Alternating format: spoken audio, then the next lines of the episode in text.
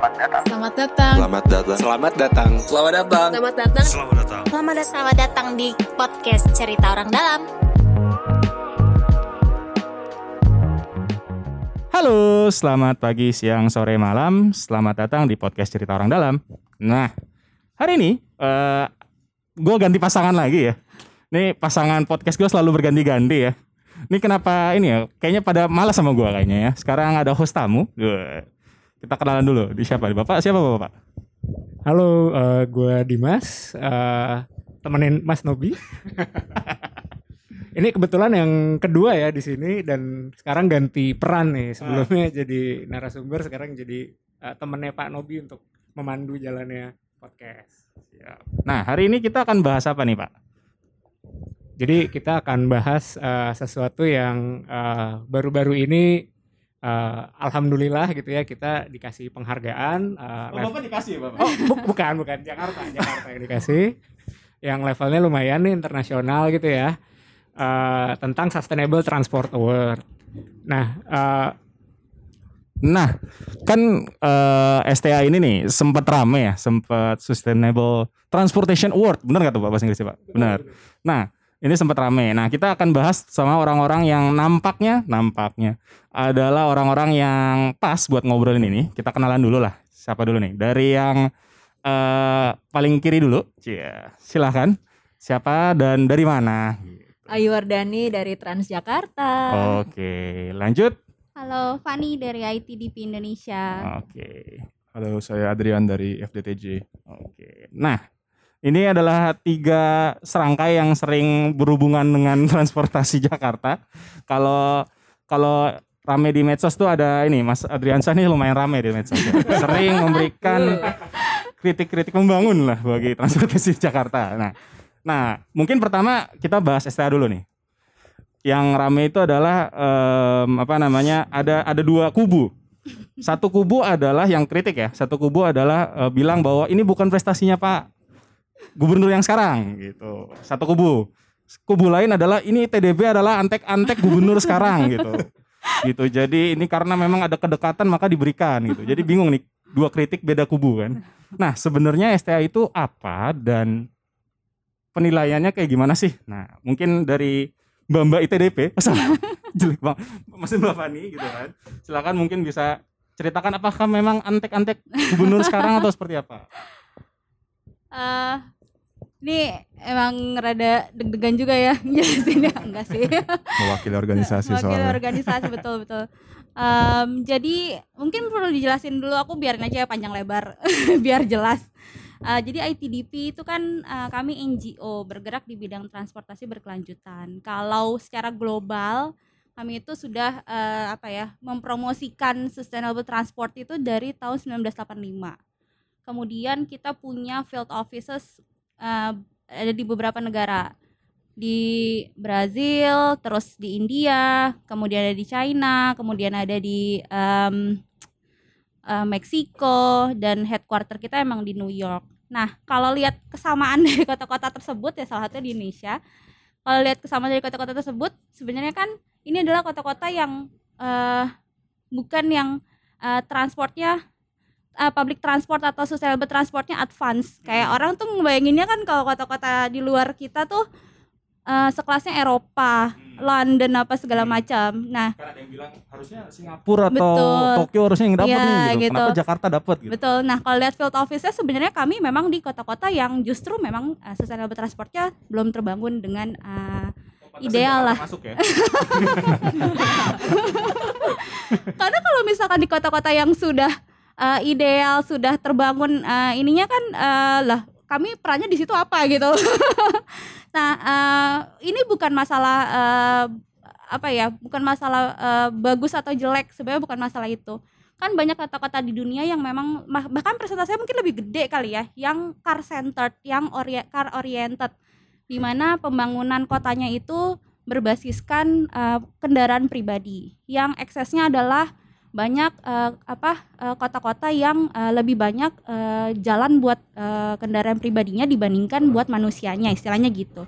Nah salah satu eh, apa komponen dari sustainable transport itu kan ya ada terbangunnya tra- eh, transportasi publik, ada terbangunnya jalur sepeda, terus juga apa fasilitas pejalan kaki, kemudian ada pengendalian tentang parkir dan sebagainya. Nah, hal-hal ini kan eh, itu ada komponen dari eh, sustainable transport tersebut. Nah, si ITDP ini nggak sendiri sebenarnya mempromosikan sustainable transport banyak teman-temannya gitu. Cuman emang kalau di Indonesia kan eh, sustainable transport itu nggak populer gitu loh. Bukan isu yang kita baru kapan sih ngomongin tentang transportasi perkotaan tuh kayaknya ramenya tuh orang ngomongin di Twitter tuh kayaknya baru kapan gitu ya. Eh, paling cuma beberapa tahun ke belakang terakhir inilah kita eh, baru kenal dengan hal-hal eh, apa eh, yang berkaitan dengan sustainable transport. Nah, jadi sebenarnya si STA Sustainable Transport Award ini diadakan sudah sejak tahun 2005. Gitu. Terus ITDP Indonesia itu di Indonesia itu beroperasi tahun 2000-an. Gitu. Nah, sejak tahun 2005 eh kita eh, ITDP ini eh, di di apa ya ditampuk sebagai event organizer-nya IO IO Oke. yang menyelenggarakan si STA. Komitenya ada 11 o- ada 11 organisasi. Satu organisasi itu satu individual gitu. Terus setiap penyelenggaraannya pun setiap tahun sebagai IO, ITDP itu nggak sendiri. Pasti kita kolaborasi juga sama organisasi lain yang eh, mungkin ketika apa ketika kita bersepakat tahun sebelumnya, yuk kita kerjasama aku jadi IO-nya gitu itu ada organisasi-organisasi tertentu dulu tuh ada Ford Foundation. Nah sekarang tuh kita lagi banyak kolaborasi sama Bernard Van Leer. Ini tuh organisasi yang fokusnya pembangunan kota untuk anak-anak dan bayi bahkan. Bagaimana kota dibangun dari perspektif bayi dan anak-anak. Itu namanya itu Bernard Van Leer Foundation. Nah itulah dari 2005 kita uh, selenggarakan si STA ini. Tujuannya untuk sebagai apresiasi. Jadi bukan masalah ngomongin terbaik atau terburuk. Apresiasi gini eh, apresiasi kota-kota yang mau mengesampingkan pembangunannya mereka yang mungkin selama ini terlalu berorientasi pada kendaraan bermotor. Kemudian mereka dengan sekuat tenaga menyelesaikan satu proyek, satu program, satu kawasan yang diubah kebalikannya gitu. Nah, itu sih tujuan dari si STA ini gitu. Kalau kalau nggak salah tuh sempat ada kota-kota besar Eropa ya yang menang ya di awal-awal eh, STA itu ya. Iya, jadi sebenarnya kan eh, di ini kan lombanya juga bukan masalah kita yang nunjuk. Hmm. Ada prosesnya, Hmm. ada prosesnya. pendaftaran dulu ya, Pendaftaran. berarti? Oke. Jadi STA itu dibuka setiap tahun eh, dinilai apa dibuka di setiap tahun. Eh, biasa dulu mungkin masih melalui newsletter atau orang-orang yang eh, punya eh, apa punya koneksi dengan kota-kota yang eh, mereka mereka sedang kerjakan ada proyek sustainable transportnya itu gitu. Nah eh, sekarang kan udah sosmed, jadi setiap tahun eh, dibuka pendaftaran di- eh, melalui sosial media. Pendaftarannya itu em, harus eh, itu sebenarnya siapa aja bisa daftar, tapi eh, memang disarankan mereka yang punya koneksi dengan si kota yang mereka nominasikan. Kenapa? Karena nanti selanjutnya kalau formnya itu balik lagi ke mereka, itu mereka harus ada apa ya persyaratan yang harus dipenuhi lah untuk kesahihan eh, apa pengisian formnya Hmm. di yang selanjutnya gitu. Jadi memang setiap tahun sebelumnya dibuka pendaftaran. Nah, eh, pendaftarannya itu pertama mereka isi form. Formnya itu isinya data diri eh, yang bisa dihubungi. Kemudian pertanyaannya langsung sebutkan eh, apa ya eh, inovasi dari kotamu yang berkaitan dengan sustainable transport atau transportasi berkelanjutan selama 2 tahun ke belakang atau 18 bulan. Hmm. Itu Mhm. pertanyaan pertamanya. Terus yang kedua, suruh kirim foto. Foto-foto itu bener nggak? Perubahannya ada nggak? Ya siapa tahu ada yang kota-kota lain yang daftar juga kan di di Jakarta. Betul. Iya, iya. No pick hoax. Terus, no, ya Iya, betul no itu. benar. Eh, ininya apa? eh, spiritnya gitu, no pics hoax. Terus juga bahkan ada satu box di mana mereka tuh harus kasih link berita atau media, link-link link berita gitu. Eh, yang membuktikan kalau itu programnya lagi berjalan atau sedang sudah dilakukan atau sedang dilakukan itu form pertama Biar gak gimmick ya itu ya. betul Biar valid, Pak. Iya. Betul. Terus yang eh, ketika mereka ini mereka masuk eh, tahap pertama nih. kemudian itu selama dua bulan kota-kota itu boleh masukin ininya mereka uh, submissionnya setelah itu uh, dipilih sama jurinya masuk ke tahap kedua. Tahap kedua itu lebih spesifik pertanyaannya.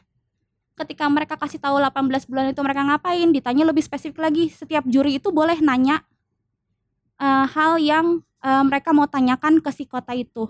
Dan biasanya itu berkaitan dengan data Hmm. dengan angka Iya. gitu. Itu sih dan barulah dari situ keluar uh, si pemenangnya Jadi kalau kita dengerin sih sebenarnya prosesnya itu sangat eh, kompleks ya. Sangat. Validasinya itu banyak gitu ya.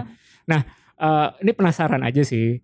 Sebenarnya kenapa sih Jakarta tuh menang gitu? Saingannya tuh kan kalau katanya eh, media-media berita-berita tuh ada yang dari Bogota, dari mana Auckland, ada Frankfurt gitu ya.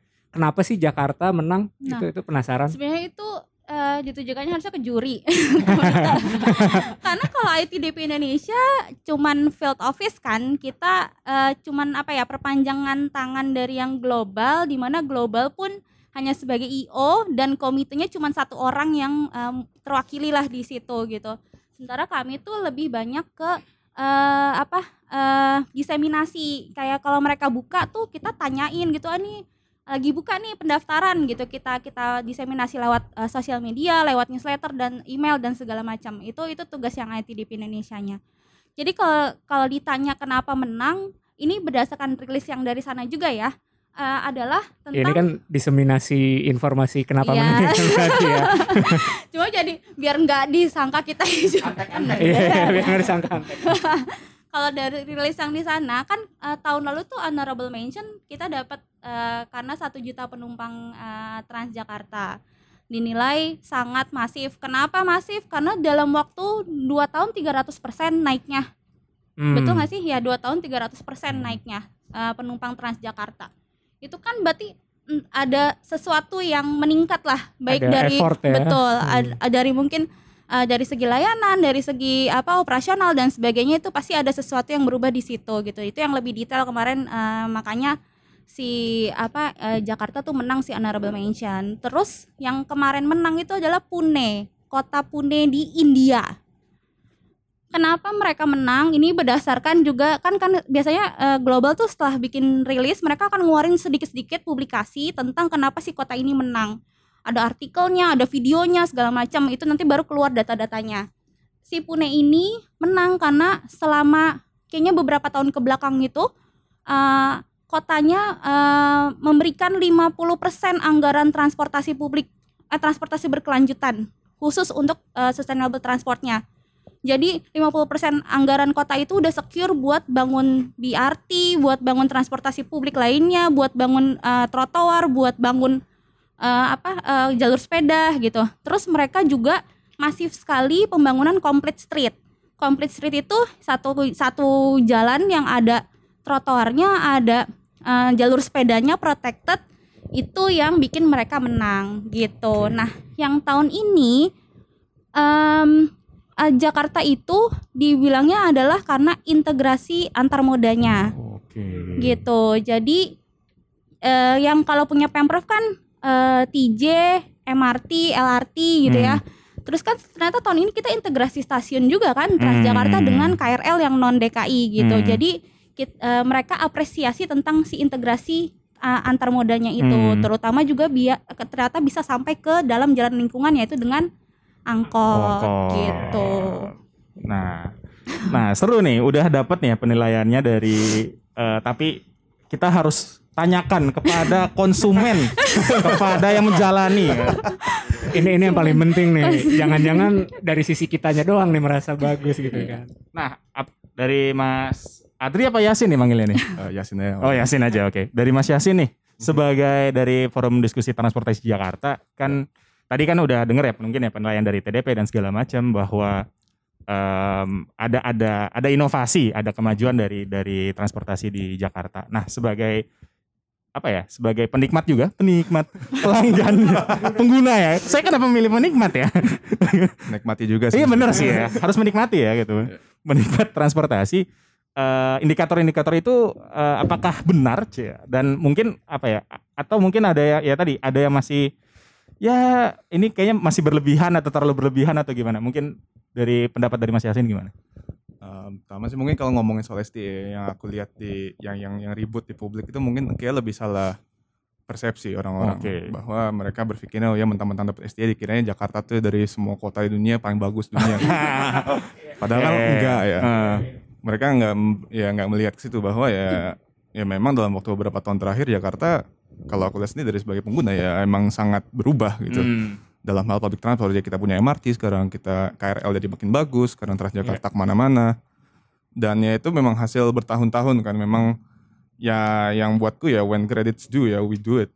Kalau misalkan kita memang bisa apresiasi apa yang sudah ada berubah ya kita apresiasi. Tapi memang ya jangan berhenti di situ. Kan kemarin ada mungkin yang berpikir kayak udah STA udah angkang-angkang kaki aja deh karena ada paling baik. Padahal ya sebenarnya tadi jalannya masih panjang kan. Tadi memang udah banyak banget hal-hal yang aku rasa jadi salah satu inovasi lah buat Jakarta atau Indonesia lah. Karena hmm, ya buatku ya public transport atau sustainable transport itu memang yang paling inovatif inovatif jauh ini ya Jakarta. Walaupun kalau misalkan kita lihat dari eh, surveinya Jutpi atau berapa 60% warga Jabodetabek itu tetap pakai kendaraan pribadi. Jadi Iya, iya, betul. PR-nya masih banyak banget eh, kan dan ya eh, karena memang sekarang ya harusnya dirayakan gitu wa- walaupun sedikit-sedikit ya pelan-pelan ada yang ya Transjakarta bisa satu juta penumpang eh, KRL juga sekarang 1,2 juta penumpang eh, MRT juga lagi ekspansi ke mana-mana dan nah ini harus disupport terus karena ya kalau nggak karena kejadian inovasi yang ada sekarang ya nggak akan kejadian kayak gini sekarang Jakarta kan gitu Jadi jadi arahnya sebenarnya udah bener ya. arahnya udah bener tapi mungkin effortnya masih harus lebih karena sebenarnya sih secara general Jakarta masih sangat car oriented ya jadi Iya. em, ya kita walaupun MRT atau LRT lagi dibangun ke mana-mana tapi tetap aja kita masih fokus bangun tol layang 6 layang bangun ya kemarin ada yang minta jalan tol 6 layang ini dijadiin sustainable transport juga nih padahal ya enggak gitu Eh, nah ini juga harus eh, di shift gitu. Sekarang masih yang public transport sustainable transport jalan, tapi mereka juga masih mengedepankan beberapa project yang sebenarnya sangat tidak sustainable. Nah ini harus di diputarbalikkan otaknya biar ya biar sustainable transport doang yang jalan karena orang selalu berkata ya Jakarta harus clear dari macet ya caranya kita membuat macet itu hilang dengan memindahkan orang yang dulu terpaksa naik mobil karena kalau misal kalau nggak salah datanya dari Sutip tahun 2017 itu hanya 49% warga Jabodetabek yang punya akses ke public transport. Hmm. Jadi dari 34 juta warga Jabodetabek itu cuma setengahnya. Jadi bayangin aja ya 14 juta orang udah terpaksa harus naik motor atau mobil Iya, iya. untuk pergi kerja. Nah ini masih banyak banget PR-nya gitu. Nah, eh jadi jadi pertanyaan nih bahwa kondisinya kan mungkin em, ada banyak orang yang masih ngerasa bahwa Jakarta ini nggak cocok buat transportasi umum gitu, panas lah atau eh jas-jasekan gitu kan, atau apa ya ya segala macam lah gitu kan. Bahwa kondisinya atau misalkan sepeda misalkan ya tadi eh, jalur sepeda ah ini nggak guna lah gitu. Malah bikin macet gitu. Bilang yang kayak gitu kan. Ya, ya. Nah sebenarnya bagaimana sih sebenarnya mengubah? Ini kan jadi tantangan terberat ya. Mungkin Mhm. eh, mungkin kalau dari pemprov atau Transjakarta atau segala macam mungkin udah bisa ngebangun infrastruktur mungkin ya memang Mhm. gitu. Tapi kan ngebangun budaya itu jadi satu hal yang pertanyaan besar gitu nah dari teman-teman FDTJ sendiri gimana sih sebenarnya ap- mengubah mindset itu dan Ah, ah. supaya ngubah tadi kan dibilang kalinya car oriented gitu jadi ke transportasi umum Kalau aku sendiri nih pribadi yang mewakili FDTJ juga mungkin eh, kita melihat perubahan paradigma ini selalu dari tiga perspektif ya. Jadi satu tadi infrastruktur yang mungkin udah bisa digerakkan sekarang. Kedua tadi pembangunan mindset masyarakat dan ketiga paradigma planning pemerintah kayak gimana. Nah ini mungkin kalau infrastruktur udah mulai ke arah sana ya. Eh, orang udah mulai apa infrastruktur udah mulai bagus di mana-mana. Eh, kalau FDTJ mungkin tadi lebih aktif ke arah mengubah mindset masyarakat sendiri nih gimana caranya untuk membuat public transport ini lebih appealing buat mereka bagaimana caranya membuat masyarakat tuh mau shifting gitu nah Why finding, why finding iya. gitu ya. nah, nah salah satunya itu ya ya Ya, karena kita kan FTTJ sebenarnya komunitas pengguna juga jadi Hmm. eh, memang ya member-member kita punya kerjaan masing-masing tapi karena kita sesama pengguna trans public transport di situ kita carilah se- apa sih namanya brain brainstorm ide apa nih yang kita bisa lakukan dari segi masyarakat untuk eh, bisa kita lakukan untuk membuat public transport di Jakarta lebih apa aksesibel dan salah satunya yang kita lihat di Jakarta permasalahan yang cukup belum tersentuh itu tadi soal wayfinding dan informasi. Eh, karena sejauh ini mungkin ya integrasi transportasi udah lumayan digelakkan lah dengan bangun JPO lah, bangun transit plaza lah. Tapi ada next stepnya setelah itu ya itu informasi. Nah, Ya. kita nih masih agak tersegmentasi lah. Jadi MRT punya sistem mereka sendiri, Transjakarta punya sistem mereka sendiri, KRL dan lain-lain juga masih punya sistem mereka sendiri. Dan kita melihat dong, nah sekarang Jakarta kebetulan udah punya branding tuh namanya Jaklingko. Mhm. Kenapa kita nggak lanjutin dari situ Jaklingko menjadikan branding yang bisa diturunin tuh nggak cuman sekedar branding di depan muka bus atau MRT tapi juga jadi livery ya. juga jadi sistem wayfinding karena Iya. kalau kita lihat dari kota-kota besar lain ya kayak London, kayak Singapura, ya TFL kan kalian udah paham eh, roundel-nya underground tuh yang bulat terus ada garisnya. Nah, Iya, itu kan iya. simbol mereka banget. Jaklingko tuh bisa kayak gitu. Jadi kalau misalkan lo lihat lihat Jaklingko, oh berarti situ ada public transport.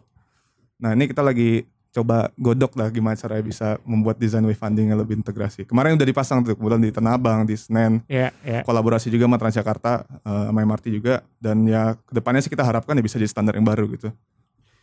Ya ini ini pas banget nih kebetulan ada Mbak Ayu dari Transjakarta yang memang selama ini menjadi apa ya spearhead lah untuk untuk Jaklingko gitu ya. Eh, mungkin eh, tadi bisa diceritain dulu ya kan tadi kata Fani tuh menangnya gara-gara eh, achievement dari BRT-nya terus dari angkotnya terus kemudian eh, ada masukan dari eh, Mas Yasin. Mungkin gimana nih Mbak Ayu menyikapinya? Oke, kalau kita lihat ya Transjakarta tentu saja sebagai salah satu bagian dari Jaklingko, sistem transportasi terintegrasi di Jakarta. Nah, kami juga membawa spirit integrasinya Pemprov DKI Jakarta tentu saja. Ini pasti semua juga udah tahu dong di Transjakarta aja ada beberapa yang sudah terintegrasi feedernya mikrotrans eh, lalu bisa lagi ke bis besar atau sedang kita juga tidak hanya terintegrasi di Transjakartanya aja tapi juga ada rute-rute kolaborasi dengan MRT, LRT, dengan kereta KCI juga itu kan macam-macam. Ini juga tidak hanya merubah budaya dari pelanggan. Kalau kita nyebutnya pelanggan ya Bapak-bapak Ibu-ibu, mohon maaf. Jadi bukan penumpang, bukan penikmat tapi pelanggan. Pelanggan. Karena kami begitu menghargai pelanggan kita yang kemarin juga di awal tahun satu juta pelanggan. Salah satu poin yang dicatat ya Mbak Fani di Februari ada satu juta pelanggan. Kalau ngomongin soal merubah budaya Transjakarta juga Pemprov tentu saja nggak cuman merubah budaya pelanggannya saja, penumpangnya saja, tapi kita juga merubah budaya dari pelaku transportasi itu sendiri. Kalau kita lihat juga operator bis yang existing kita juga rangkul Kopaja. Zaman dulu siapa sih yang nggak kenal sama ugal-ugalannya Kopaja ya kan Mas Dimas nih? Saya gelantungan loh itu. Nah, tuh. Ini curcol.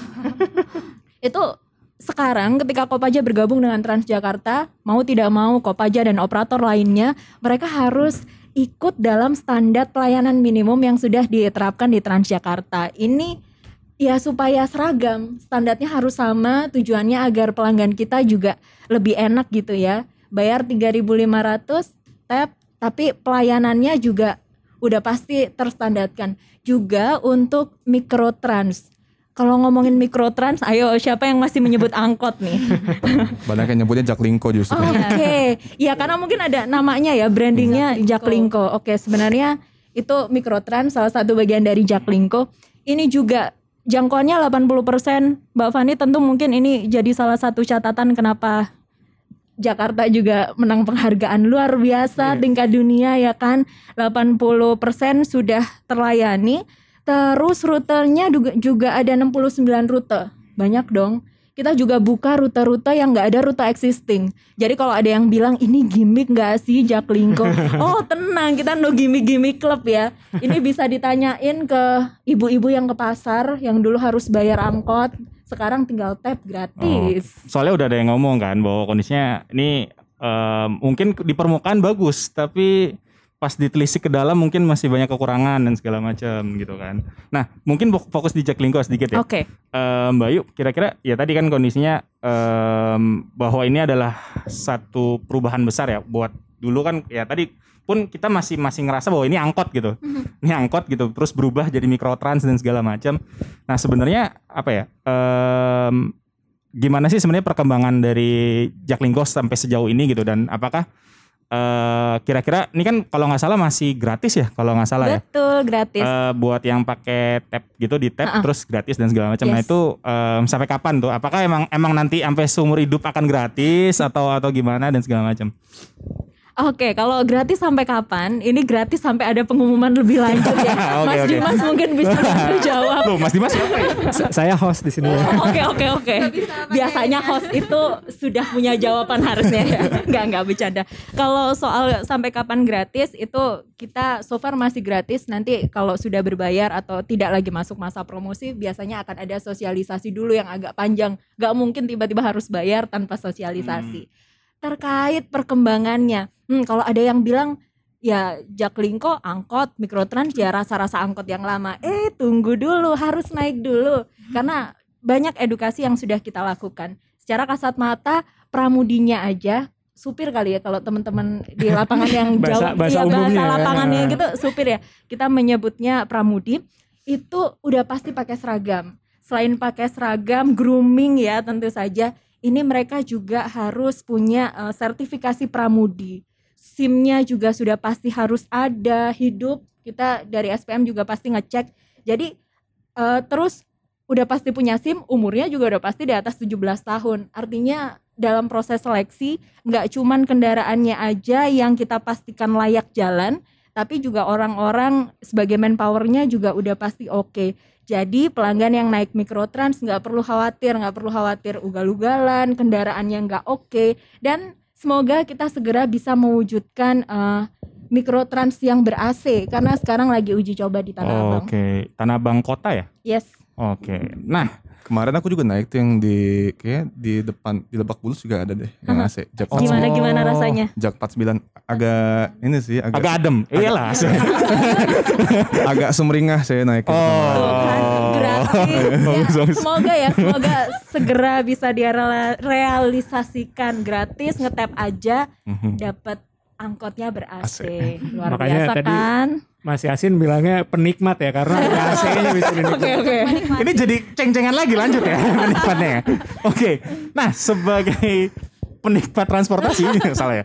Eh, sebagai eh, apa ya? eh, mungkin mengamati tadi ya transportasi Jakarta, Jaklingko dan segala macam. Mungkin dari teman-teman di TDP ngelihat Jaklingko ini sejauh apa sih dan apa yang mungkin em, apa ya perlu dikembangkan lagi dan segala macam karena mungkin tadi ya tadi mungkin banyak kritik-kritik juga dan segala macam gimana?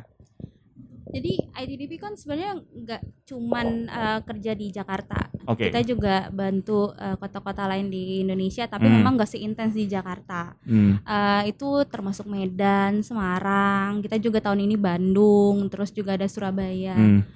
Hal yang paling sulit eh, selain eh, ada transportasi publik di kota. Oh iya iya iya.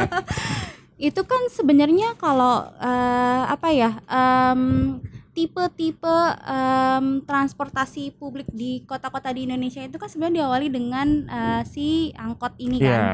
kayaknya itu udah tipikal lah gitu di Hmm. setiap kota di Indonesia tuh ada yang namanya angkot gitu terus eh, dan si bus-bus sedangnya itu Hmm.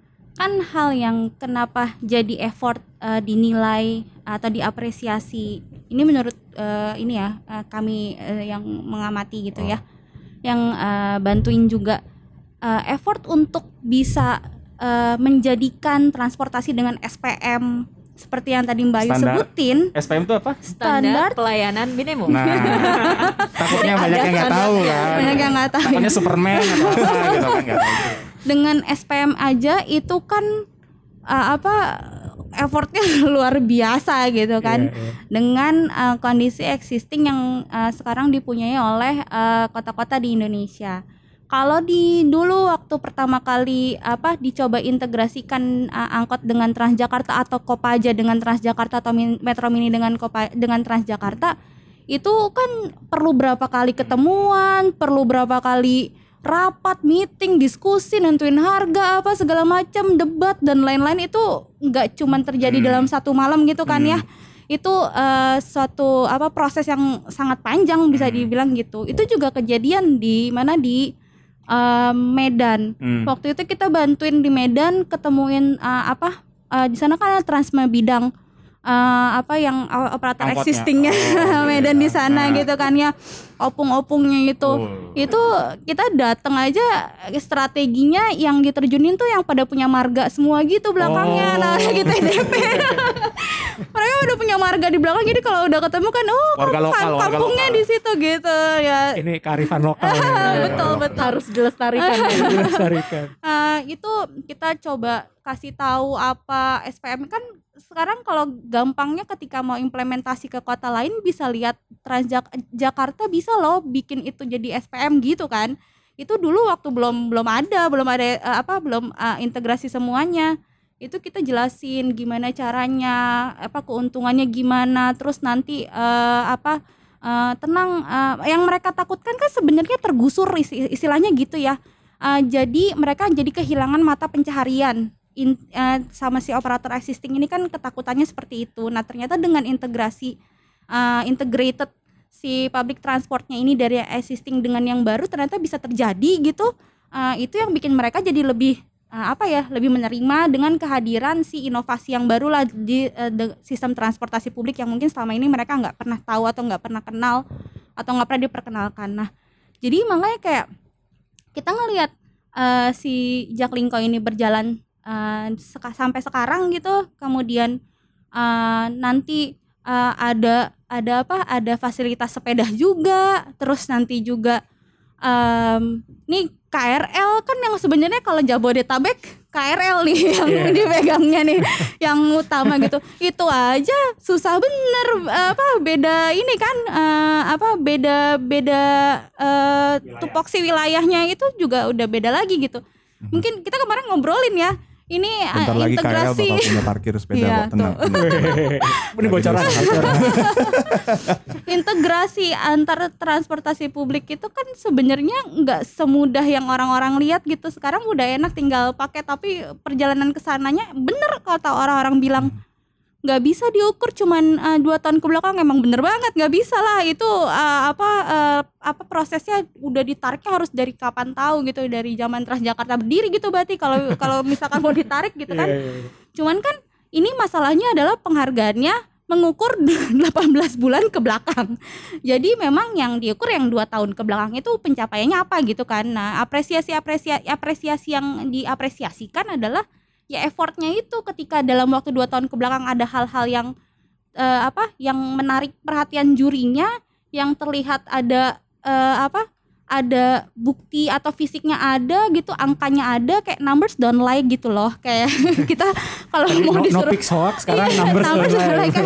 ya kalau mau dikasih ininya kan ada gitu maksudnya angkanya ada gitu jadi ya hal-hal seperti itu sebenarnya yang yang eh, spiritnya CSD ini untuk kasih apresiasi sekecil apa pun yang buat orang kecil mungkin buat yang ngerjain nggak kecil juga gitu. Ada kan eh, kota-kota lain yang ngubah jalan tol eh nggak ngubah underpass jadi taman ruang publik Korea waktu Hmm. itu kan si apa tuh namanya aku susah Yang di- ngomongnya yang di Solo. Heeh, Conggit, Conggit. Cong ya ya itu Sampai drakornya ya Enggak enggak pernah ke sana sih.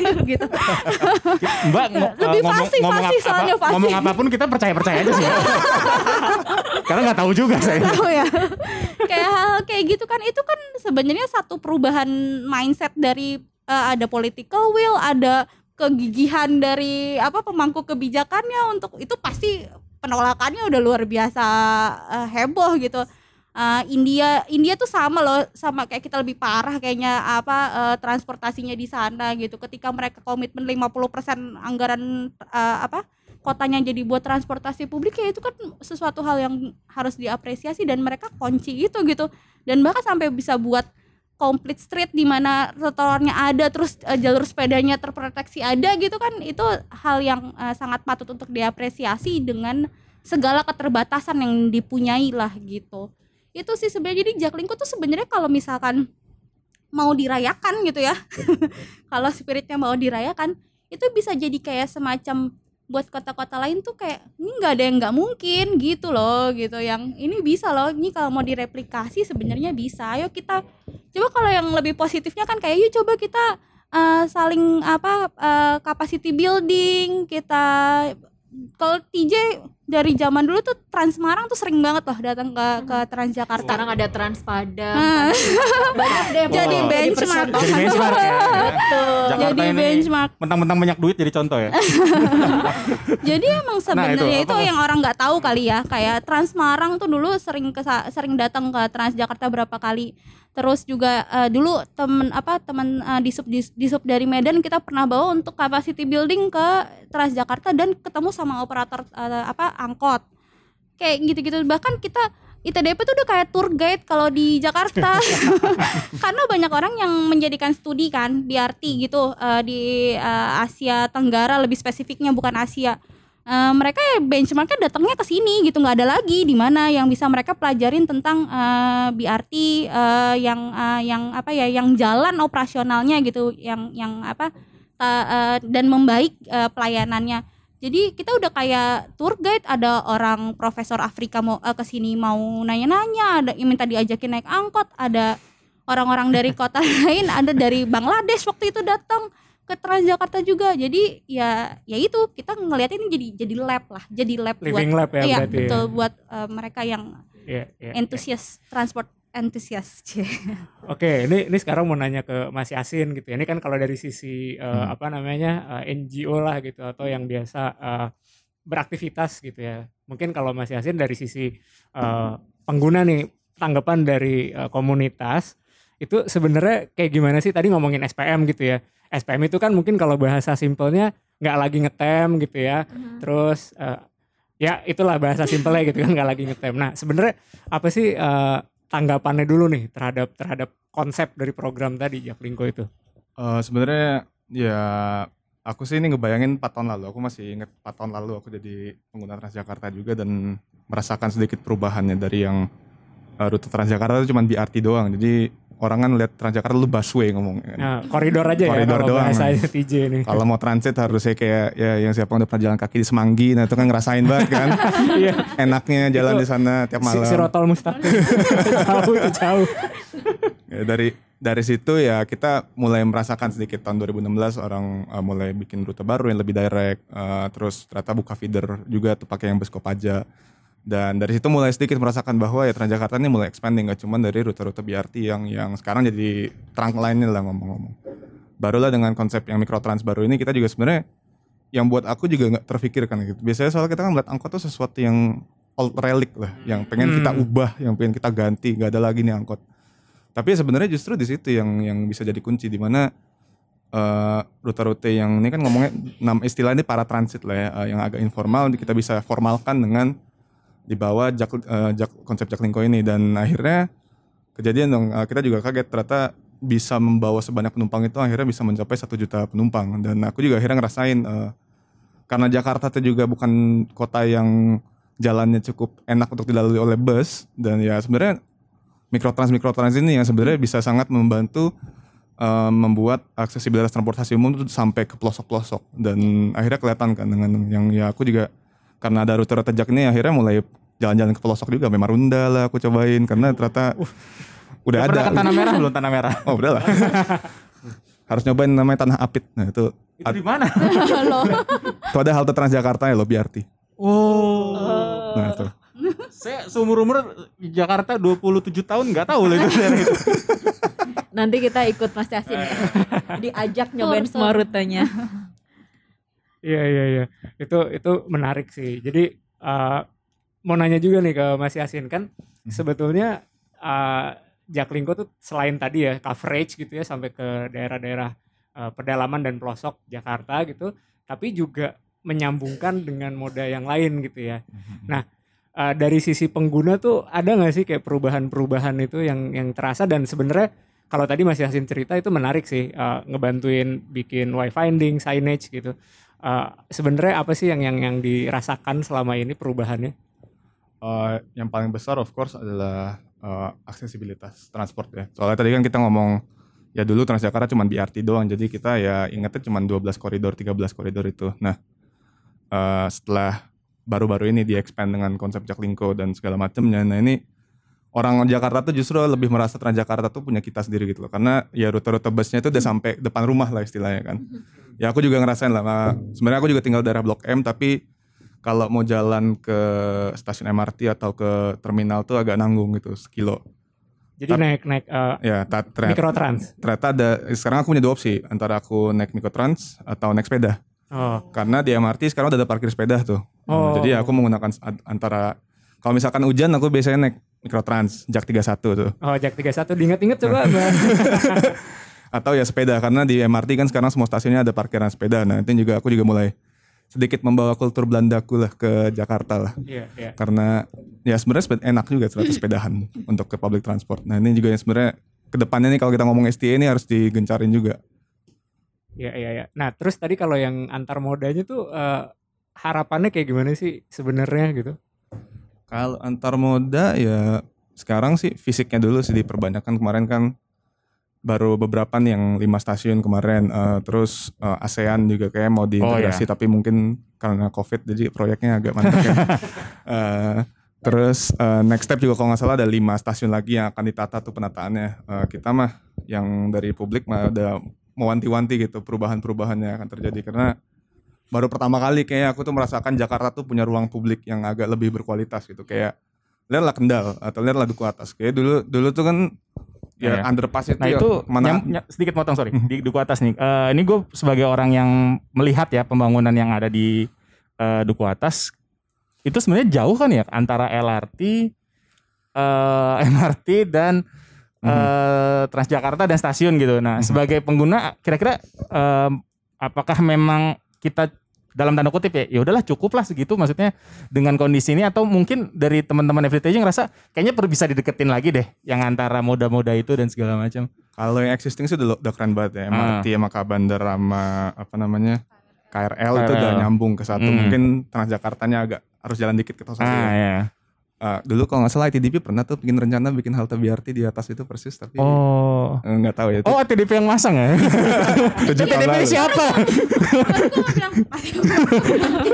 Nah, kalau LRT itu mungkin masalah baru ya karena itu dia posisinya jauh banget kalau nggak salah lah Eh, di sebelah selatan terus di Waduk sana lah LRT Jabodebek. nah itu eh, tantangan ke depan juga tuh gimana caranya mengkoneksikan eh, LRT ini ke daerah-daerah lain kan soalnya mereka juga kalau nggak salah sekarang Jakarta juga udah membranding daerah Duku Atas sebagai Transit Oriented Development atau TOD.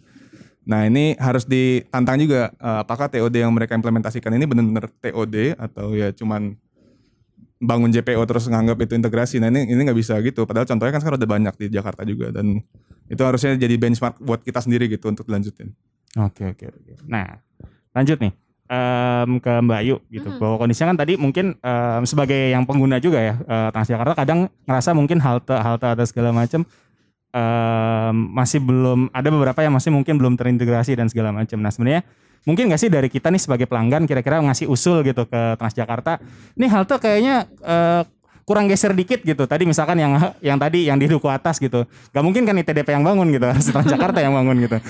Atau nah itu gimana gitu. Eh, mungkin dari teman-teman TJ gimana? Oke, selain evaluasi rute dan halte berkala Hmm. ya, kita juga sangat mendengarkan, mengakomodir voice of customer. Uis. Nah, Jadi nanti bisa langsung disampaikan ke akun Twitter resmi Transjakarta. Ini nggak cuman apa ya pendapat dari netizen yang masuk terus dijawab Mimin terima kasih sarannya Nah. akan diteruskan ke bagian lain atau ke bidang lebih lanjut nggak seperti itu karena kami di pelayanan juga fokus banget untuk mendengarkan voice of customer di bawah meeting dikaji dengan berbagai pihak nantinya supaya ini beneran bisa direalisasikan untuk kepuasan pelanggan. Mantap. Jadi jadi nama-nama yang ada di itu kan setelah menjawab biasa ada nama Mimin itu ya. Iya. Itu adalah jaminan mutu gitu ya bahwa itu Transjakarta Ya, kayak udah capek dengerin kalau ada kalau ada inisial AW tapi jarang banget sih jawab itu saya kalau udah terpaksa banget oke dijawab Oke oke. Eh, misalkan kan kadang banyak tuh yang ngusulin misalkan rute baru Yes. di di di Jaklingko dan segala macam. Nah mungkin eh ke depannya nih gimana nih eh, harapan eh sorry apa yang akan dilakuin sama TJ nih ke depannya nggak mungkin berharap dong pasti melakukan soal sesuatu. Jaklingko ya sebenarnya hmm, kalau soal Jaklingko beberapa rute baru itu sudah ada Hmm. artinya rute existingnya tuh sebelumnya nggak ada Oh, di oke. jalur itu Hmm. nggak ada angkot regulernya Hmm. tapi kita buka rutenya kayak di Jak 49 Cipulir Lebak Bulus sama Oh, Jak oke. 85. Tadi ya? Tadi dibahas ya? tadi yang AC. Oh, yang AC tadi ya. Yes, Cipinang Indah Bintara. Jadi ini sebelumnya emang nggak ada, tapi sekarang udah ada. Ini salah satu bagian dari Oke. ekspansi kita. Nah, siap, siap, siap. Oke, lanjut. Nah, ini sebagai yang orang luar tadi kan sebagai orang dalam. ini orang dalam angkot. Oh, salah. orang dalam mikrotrans. Eh, teman-teman TDP dan teman-teman FDTJ kira-kira ada harapan nggak sih buat atau apa ya? Kritik membangun, alah. Asik. Agak-agak geli sebenarnya kata-kata itu ya. Ngeri-ngeri sedap sih ngomongin kritik, tapi Iya. harus membangun gitu ya. Iya, eh, kritik membangun tuh? Eh, iya gitu kan. Kira-kira apa sih harapannya buat eh, transportasi umum di Jakarta ke depannya gitu? Dari TDP dulu deh. kayak sebenarnya kan ya itu balik lagi tadi kayak Yasin bilang kan Asia itu bukan bukan apa ya bukan eh, gong atau ujungnya lah Oke. gitu Eh, eh, ini kan Baru bentuk awal ya. be- eh, bentuk apresiasi aku tuh kemarin ditanya juga kayak kan gimana mbak banyak kritik gini-gini ya saya sih seneng aja orang jadi ngobrol ngomongin jadi tahu kan transport sustainable transport itu apa oke. gitu pertama itu gitu kan terus eh, jadi ya orang jadi apa ya entah nanti jadi nyobain kayak gue nggak percaya gue cobain lah gitu kan jadi nyobain. Nambah pelanggan lagi buat Pelanggan Transjakarta nambah. Betul. ya eh, ada ruang-ruang diskusi selama bukan fitnah kan. Intinya eh, ada ruang-ruang diskusi yang terbuka lah tentang si sustainable transport ini. Bahkan kayak kita tuh ngeliatin dari berapa tahun dua tahun mungkin dua sampai tiga tahun terakhir bahkan banyak komunitas atau apa ya anak-anak muda yang udah mulai membentuk komunitas sendiri ngomongin tentang isu perkotaan termasuk di dalamnya ada mobilitas itu banyak banget loh Salah abis F- satunya FDTJ Iya, abis FDTJ sih udah bukan Oh, baru lah. Pioner ya pioner. FDTJ sih udah yang bangkotan, yang udah ini seniornya. Ada yang baru-baru kayak kita tuh banyak kolaborasi eh, kayak mungkin ada yang pernah dengar kolektif Agora, ada rame-rame Jakarta, ada apa. Eh, eh, ya banyak gitu. Maksudnya eh, orang udah anak-anak mudanya udah mulai aware tentang eh, apa transportasi berkelanjutan tuh seperti apa gitu kan. Dan yang paling penting kenapa kita promote sustainable transport? Karena sustainable transport itu inklusif pada dasarnya adalah inklusivitas inklusif itu bukan hanya terkait dengan kemampuan orang untuk bisa ma- make si Hmm. ininya tapi juga kemampuan orang untuk bisa bayar kemudian pakai gitu loh Oh, Oke. itu kan termasuk apa ya termasuk hal yang eh, perlu di orang-orang aware juga gitu ada orang-orang yang eh, ekonominya eh, Hmm. di bawah kemudian pilihan moda transportnya tuh apa gitu. Nah itu kan yang coba dicakup Harusnya bisa oleh buat si semua orang ya. Exactly buat semua orang ya. Itu spiritnya si sustainable transport itu adalah eh, demikian gitu. Nah kalau ditanya harapannya apa banyak PR-nya masih banyak banget gitu. Hmm. karena yang jadi masalah adalah Jakarta tuh bukan cuma kota sendiri. Jakarta itu didatengin sama orang-orang dari si kota-kota satelitnya Hmm. itu. Itu kan yang sebenarnya eh, apa PR-nya banyak di situ. Eh, kalau orang masuk ke Jakartanya masih orang udah naik Transjakarta naik apa mereka udah seru-seru aja gitu tapi kalau dari Hmm. luar masuk ke dalamnya Ini berarti itu ini ya berarti ya terkait kayak eh, pembayaran ya. Mungkin mungkin perlu ada kayak kartu apa sih sehari gitu ya. Kadang kan ada orang yang pembayaran iya infrastruktur juga iya Hmm. pilihan modanya juga iya Hmm. dari mas dari dari eh, kota-kota satelit masuk ke dalam eh, Jakarta itu pilihan modanya nggak banyak loh kalau di sini kan kita punya pilihan moda yaitu dari angkot eh, bus sedang Hmm. bus gede MRT LRT ada KRL masuk de- dari dari Hmm. luar ke dalam gitu kan nah selain KRL tuh apa gitu nah tra- ini mohon Bodetabek ya mohon ya didengarkan ya. Kenapa jadi tanggung jawab kita juga ya? Mohon maaf ya salah. ya. mau nggak mau Iya, iya, karena kan yang nanti menerima di sini kan sebenarnya dari Tolong apa, Transjakarta bikin yang TJ ada. sampai Depok sampai Bogor sampai Bekasi Tangerang ada. ya? Ada. Oh ada ya. Ini, ini jadi pertanyaan juga mungkin di Iya. Twitter aku lihat mantengin kapan buka lagi rute-rutenya yang sana. Nah. 7C baru buka loh. Itu salah satu Cibubur. primadona kan. Biasa biasa Cibubur. jadi ya hal kayak gitu kan fleksibilitasnya untung Transjakarta bisa lah mencakup ke sana gitu cuma kan itu butuh eh, kerjasama juga dong Hmm. dari daerah-daerah Kalau nggak diizinin susah juga ya kan? Nah. Nah, itu dia Cuma sampai UI Depok misalkan ya. Harusnya sampai hal-hal Jati Jajar seperti itulah itu masih PR lah kalau Hmm. ngomongin masalah integrasi gitu ya terus kemudian itu hal kita bilang eh, tadi udah bilang kita we are on the right track cuman gimana kan namanya katanya eh, mempertahankan lebih susah daripada merebut. Hmm, hmm, hmm.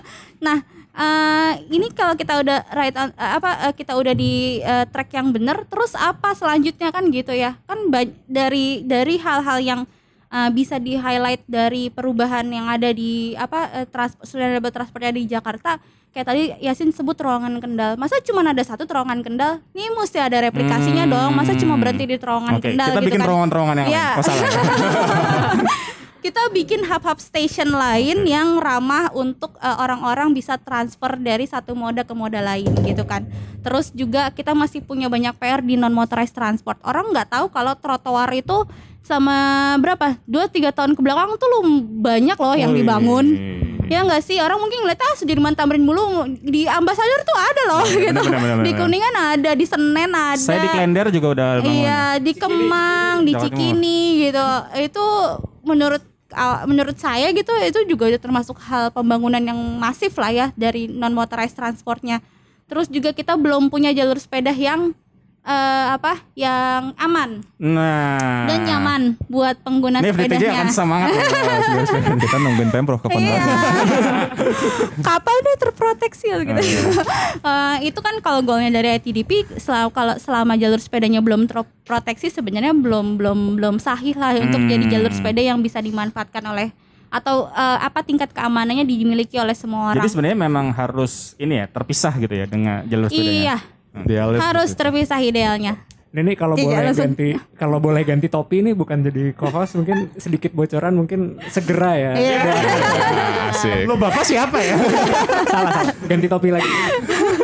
panas kan panas kan ya habis ini jadi segera besok besok ya besok enggak terus sama satu lagi sih yang penting ini kan semuanya eh, push policy kita bilang eh sorry pull policy kita bilang nah yang si push policy-nya ini juga eh, harus sudah mulai digalakan lah dari manajemen parkir terus juga ERP dan lain-lain tuh itu juga salah satu faktor yang bisa ngeboost eh, untuk orang lebih shifting dari eh, kendaraan pribadi ke kendaraan atau transportasi publik gitu. Oke. Nah, lanjut nih. Apa udah semua tadi dijawab? Ah, Pasti masih ada banyak banyak. Kasihan kan. Nambahnya banyak nih.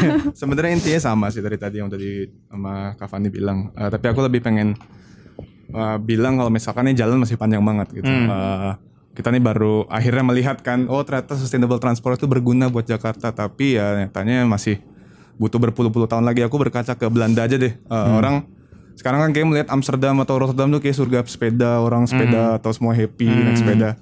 Ya itu adalah hasil eh, 40 tahun mengubah mindset masyarakatnya atau pemerintahnya yang dulu oriented sama ke Indonesia. Jadi dulu habis perang dunia kedua Belanda hancur, eh, mereka pengen pikir cepat kan, yang penting bangun. Ya udahlah akhirnya mereka bangun dengan mindset yang car oriented. Tapi mereka akhirnya sadar dengan kesalahan itu tahun 70-an tuh sampai demo orang-orang eh, yang eh, tema demonya tuh hentikan pembunuhan anak. Karena tingkat kematian anak karena kecelakaan mobil tuh saking meningkatnya. Akhirnya ra- rakyatnya itu yang mendorong pemerintahnya untuk mengubah mindset mereka untuk menjadi lebih eh, ya friendly kayak sekarang lah. Itu itu hasil 40 tahun. Nah ini Jakarta nih baru mulai sebenarnya. Hmm. dan itu bisa jadi momentum untuk ya tadi ini memperkuat eh, pembangunan transport tadi eh, dan juga eh, push policy-nya ini. Sekarang masih ya parkir masih goceng. Bensin masih 9000 ya sampai sampai saat karena cost itu sebenarnya salah satu faktor yang paling penting. Nah ini sebenarnya kita ingin mendorong juga tolong dong dinaikin lah. Kalau tarif parkir udah 20.000 ribu sejam di MRT orang mungkin bakal mulai mikir nah, gitu. Siap, siap, siap. Nah, mungkin eh, pertanyaan titipan tadi belum ditanya, Pak. Ada, Pak. Buat TJ. Apa tuh? Nah, em, tadi kan kira-kira yang Jaklingko ini masih banyak yang belum eh, masuk ya. Hmm, bener. Nah, itu sebenarnya alasannya kenapa dan mungkin em, kira-kira yang kalau misalkan kita bisa nge- bisa nggak sih sebenarnya ngedorong ngedorong atau dibeli aja atau gimana sih sebenarnya yang yang yang dari yang belum masuk gitu. Oke, jadi sekarang yang join di Jaklingko ada 11 operator Hmm. ya untuk uh, mikrotrans ini. Hmm, Ada 1892 armada. hmm, Tapi nggak cuman segini, waiting listnya ini asli banyak banget. hmm. Sampai kalau teman-teman ingat sempat ada demo ke balai kota karena Oh, belum sempat terserap. Bukan demo menolak ya, ini Hmm. karena pengen banget masuk, unitnya sudah siap tapi belum terserap. Nah, artinya ada banyak sekali minat dari pelaku industri Hmm. transportasi yang punya kesadaran juga untuk melayani warga Jakarta dengan standar yang baik juga. Nah, kapan terserapnya kita akan serap bertahap, Hmm. tentu saja dengan standar-standar yang sudah ditetapkan Transjakarta dengan pembayaran rupiah per kilometer dan jangan Naik- lupa nih ada umur kendaraan juga. Oke. Jadi mikrotrans tuh 5 eh, 0 sampai 5 sama 5 sampai 10 tahun. Jadi yang udah 10 tahun ke atas mesti permajaan gitu. Artinya udah nggak bisa join lagi. Oke, berarti emang eh, secara ini kan semuanya udah siap, tinggal tinggal emang harus harus ini ya apa namanya dari angkotnya juga berbenah juga kan? Betul. Selain itu kita juga pengen para pelanggan juga naik uh, angkutan umum nih, naik Hmm. mikrotrans juga. Jangan sampai kendaraannya udah banyak, kita buka rute banyak, tapi yang peminatnya juga sedikit. Ini yang Hmm. membuat kami di Transjakarta harus evaluasi terhadap rute-rute tersebut. Akhirnya ya nggak bisa diterusin karena nggak ada yang make kan mubazir ya. itu masukan dari aku sih eh, mungkin Mhm. rute-rute Jaklingko itu banyak eh, mikrotrans tuh banyak yang halte cuman pelang tok. Nah, ini Pelang bus stop ya. pelang bus stop Hmm. doang tapi di situ informasinya tuh biasanya nggak jelas. Nah, ini Hmm. mungkin juga masukan.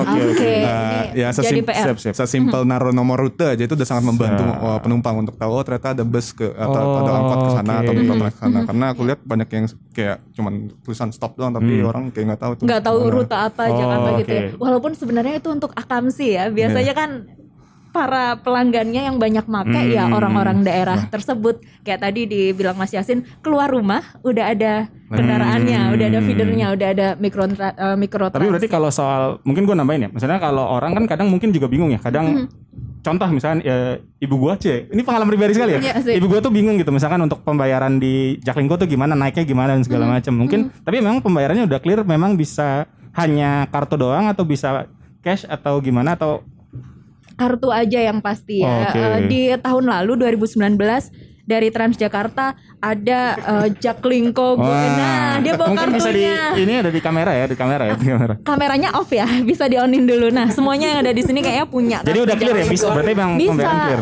bisa bener jadi jangan mau tapi saya yakin sih udah berjalan sejauh ini nggak ada pramudi kita rekanan kita yang minta uang karena udah tahu Hmm. banget sanksinya apa. Itu beneran nggak boleh. Kalau ketahuan ya bisa dapat sanksi. Pahit-pahitnya dipecat gitu ya. Karena nggak boleh ngambil uang dari pelanggan. Terus gimana dong mbak? Kalau mau naik tapi nggak ada kartunya. Bisa bilang pak saya pengen naik. Oh. karena pramudi kita juga nggak boleh banget nolak pelanggan. Tapi nanti pramudi Hmm. akan mengedukasi juga nih. Oh jadi udah udah udah jelas lah ya. Jadi dari Betul. supirnya juga udah ngerti. Ya. Pramudi, sorry. Nggak apa-apa. Harus dibenarkan belum ya nggak biasa, boleh. belum biasa. Nanti lama-lama kebiasa. Nah itu pramudi kita juga mengedukasi pelanggan untuk Oke, sekarang naik tapi next bawa kartunya ya. Kartunya bisa dibeli di mana? Biasanya pramudi juga ada yang dibekelin kok untuk rute-rute tertentu. Siap. Ini ada satu lagi sih yang ketinggalan tadi soalnya kita baru baru apa? Baru Keingat. meeting juga terus Hmm. juga menyambut gitu ya. Kan tanggal 3 Desember itu Hari Disabilitas Internasional. Hmm. Jadi lagi eh, apa banyak banget kita eh, apa eh, eh, ngobrol juga dengan teman-teman eh, disabilitas. Ini yang masih jadi PR juga buat transportasi publik Jakarta itu adalah inklusivitasnya. Gimana Hmm, caranya biar kalau goalnya dari kalau ITDP itu ngomongin inklusif berarti sama dengan teman-teman disabilitas itu bisa bermobilitas secara mandiri. Jadi gimana caranya mereka bisa ke sana kemari pakai transportasi publik tanpa harus dibantu misalkan kayak gitu. Nah, itu goal goal inklusivitas sebenarnya kayak gitu karena itu juga masih PR banget eh, dari apa dari eh, operator transportasi publik juga dari eh, apa eh, dari kotanya juga gitu. Eh, ini salah satu mindset yang kayaknya emang juga satu yang harus diubah juga ya. Hmm. Kayak ketika eh, ngomongin layanan disabilitas eh, bukan berarti misalkan dia harus di eh, apa dijemput atau dia harus di eh, apa dibantu gitu di ininya. Gimana justru eh, goalnya adalah gimana caranya mereka tanpa dibantu mereka bisa sendiri. Itu kan sebenarnya disabilitas apa maksudnya mobilitas mandiri yang eh, mau dicapailah oleh mereka. Nah ini PR panjang PR PR yang sangat berat sih menurut Hmm. saya. Apalagi dengan infrastruktur existing kita yang eh, sangat car oriented di mana orang jalan kaki disuruh ke atas atau ke bawah gitu ya. Nggak boleh sebidang gitu kayaknya nggak boleh nyebrang langsung gitu kayaknya nggak boleh banget Eh, ya ada JPO-nya ada terowongannya lagi gitu. Padahal itu sebenarnya hal-hal yang menyulitkan teman-teman disabilitas juga gitu. Terus eh, hal seperti itu sih yang eh, ini juga udah mulai jadi hal yang harus kita mulai untuk Sepakat. knowledge juga bersama Kalau gitu. dari Transjakarta udah mulai berbenah nih untuk fasilitas untuk teman-teman disabilitas. Beberapa halte kita juga sudah sangat ramah Hmm. untuk pelanggan disabilitas. Kalau masuk nih udah ada suara juga kan di gate. Ya, gitu. Silahkan It- masuk. Ini it- pasti it- itu aku sangat senang sih. Nah, itu adalah salah satu loncatan yang kami lakukan dan tentu Transjakarta akan konsisten dengan berbagai inovasi yang ada. Sosialisasinya Mbak Ayu. Oke. Ah. Oke. Masuk ya, masuk ya. Masukkan. Siap. Proses. Oke oke oke, siap. Nah daripada makin kepanjangan ya, Seru soalnya. Seru bener. em, thank you buat semuanya, thank you uh, buat Mbak Ayu, Mbak Fani, Mbak Yasin gitu untuk uh, obrolan-obrolan ini. Semoga mungkin akan ada pertemuan-pertemuan lain, Cie, pertemuan-pertemuan lain. Eh, terima kasih banyak. Jangan percaya apa yang kita omongin karena kita cuma ngebacot. Bye bye.